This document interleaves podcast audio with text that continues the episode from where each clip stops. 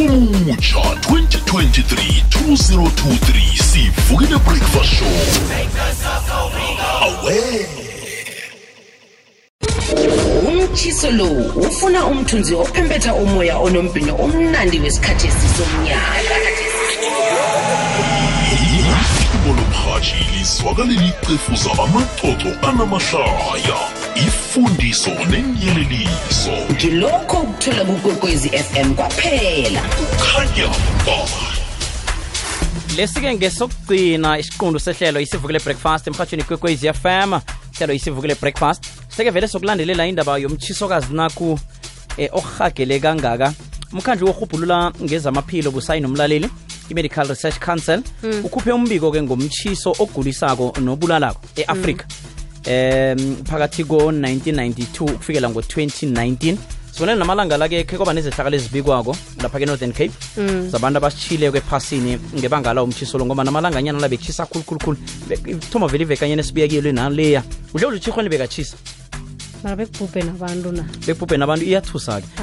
Mina udle kuhle vele ngifuna ukuthola ukuthi mhlambe i-heat wave le eh kuhle kuhle ingahlathula ukuthi ibangwa yini Mm. eh umtshisokazi lo ngaka ngomana akusimtshiso ohlala ukhona kodwa nokuba nesikhathi la uthola ukuthi uba khona lowo lo utshise khulu khulu khulu khulu khulu ya sinesithekeli arvuna mm. uza kubuza yena nguzama kunene we-medical research council oza kuphendula imibuzo wakho le izwakele lotshani Eh ngiyabingelela eh kubasakazi lapho e-studio kanye nabalaleli bonke. siyathokoza um ngaphambi kokuthi mhlambe sokucala bona kuba yinenza ihubhululo ngomtshiso lo i-heat wave siba ukwazi ukuthi i-heat wave le um ungayihlathulula uthi yini kumlaleli Eh sesibone ukush- ukushintsha kakhulu uh, kwesimo sezulu over the years. Eh lokho kubanga ukuthi kunezinto esizisebenzisayo siyabantu ezikhipha umoya o- ongahlanzekile kahle ofana ne-carbon dioxide. Eh kungaba iy'moto esiyidrivayo la ku-exhaust ikhiphe e-carbon dioxide kungaba ah, uma sibasa sishisa ngabe sishisa udoti sishisa amalahle. And then bese kuba futhi ama-factory esinawo nawo ayakhipha lo moya ongcolile. Bese lo moya uhamba uye emkhathini lapho ufika ubambeke khona. Iwona-ko bese ubamba ukushisa-ke. Ebese lokushisa-ke ku- ku- ku- mhlambe niboneni naniza kwenza i-research namkhana ihubhululo nge-heat wave le? Kahle kahle ulwazi ngama-heat wave bese livelele khona umhlaba wonke ukuthi nje thina la e-afrika engazathi siyabantu abathanda ukulandela ngemumva ey'ntweni. So uma sibuka thina siyi-medical research council sibonile ukuthi kuyashisa emhlabeni wonke and sekwenziwe iy'tadi eziningi ey'mayelana nokushisa emazweni ahlukahlukene emhlabeni. Sase sithi-ke akwesibuke la kithi ukuthi kithi abantu ba-affecteka kangakanani nanokuthi ukushisa lokhu kuzohamba hambe kunyuke kangakanani if iminyaka ilokhu iqhubeka. Ngoba kubalulekile ukuthi sikwazi lokho khona sizokwazi ukuthi sifundise abantu siphinde futhi sikwazi ukunikeza i-government yethu.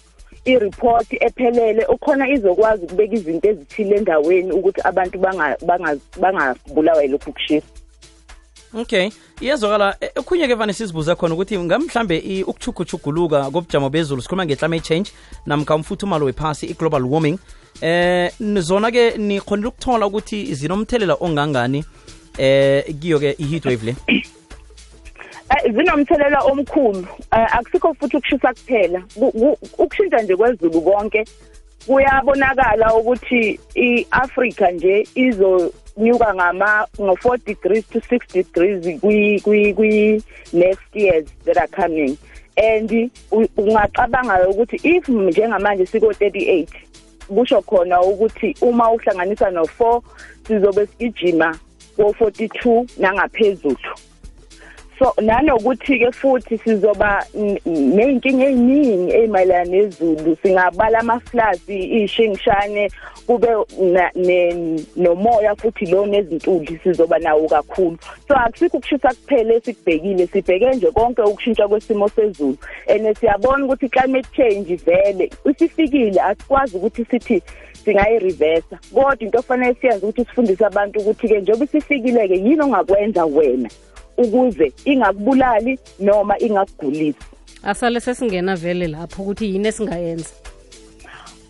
So abantu-ke njengamanje aba- okuyibona abasenkingeni ogogo bethu nomkhulu bethu into eyenza ukuthi babe senkingeni bona kube yibona bagulisa kakhulu yilokhu ukuthi sebebadala. So umzimba wabo awusakwazi kahle ukumelana nokushisa. Ebese nabantu abathatha futhi imithi nabo futhi basenkingeni nezingane futhi nabantu abasebenza ngaphandle kanti nabantu abahlala emgwaqeni. So okubalekile ukuthi siphuze amanzi sehlise e- ophuzweni oludakayo sidle am- a- ukudla nje okuphi okunempilo okuzosenza ukuthi siphile. Siphinde futhi sigqoke izinto e- e- ezingasindi ngiyaye ngibona abantu begijima ngaphandle.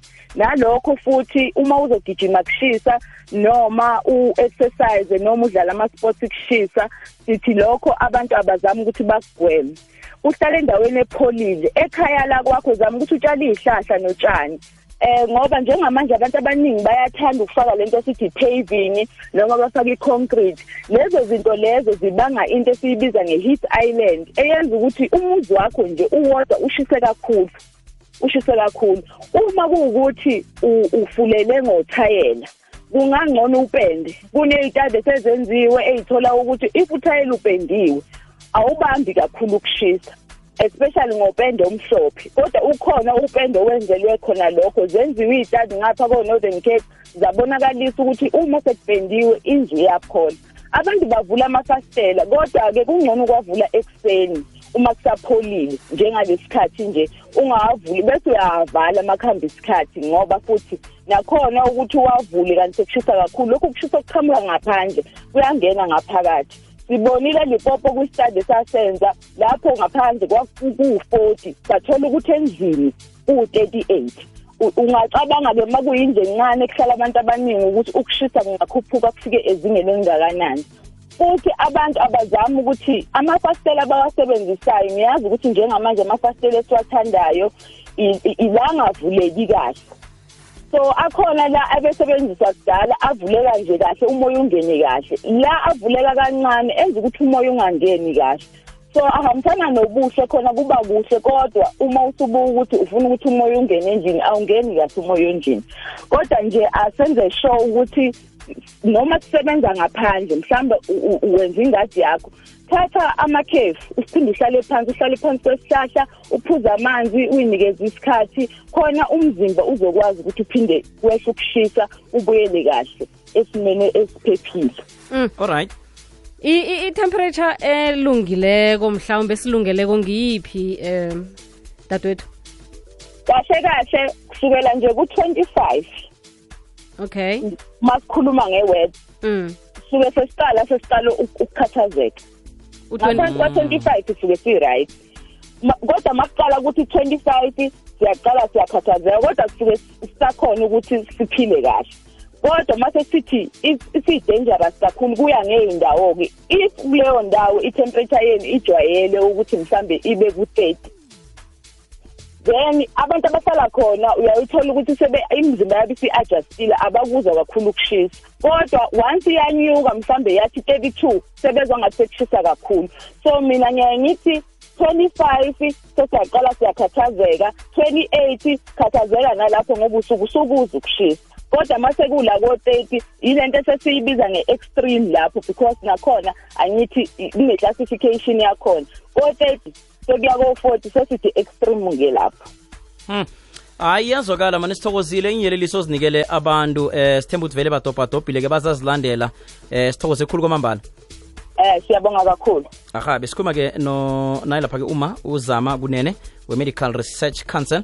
Besicale nje lapha-ke indaba yomtshiso lobekade ukhona. Nangabe mhlambe uphundiweke uzwe sesiphakathi eh ungangena nje eh ku-www ikwekwezfm co za ungene ku-option ye-podcast. Nenkundla zokuthintana nokho iba khona eh kubo-twitter ku Facebook la uzakhona ukulalela ngesikhathi sakho. Dobhadobhe ukuthi-ke ungawubalekela njani umtshiso lo omkhulu khona. Umtshiso lo ufuna umthunzi ophempetha umoya onombhino omnandi wesikhathi esisomnyaka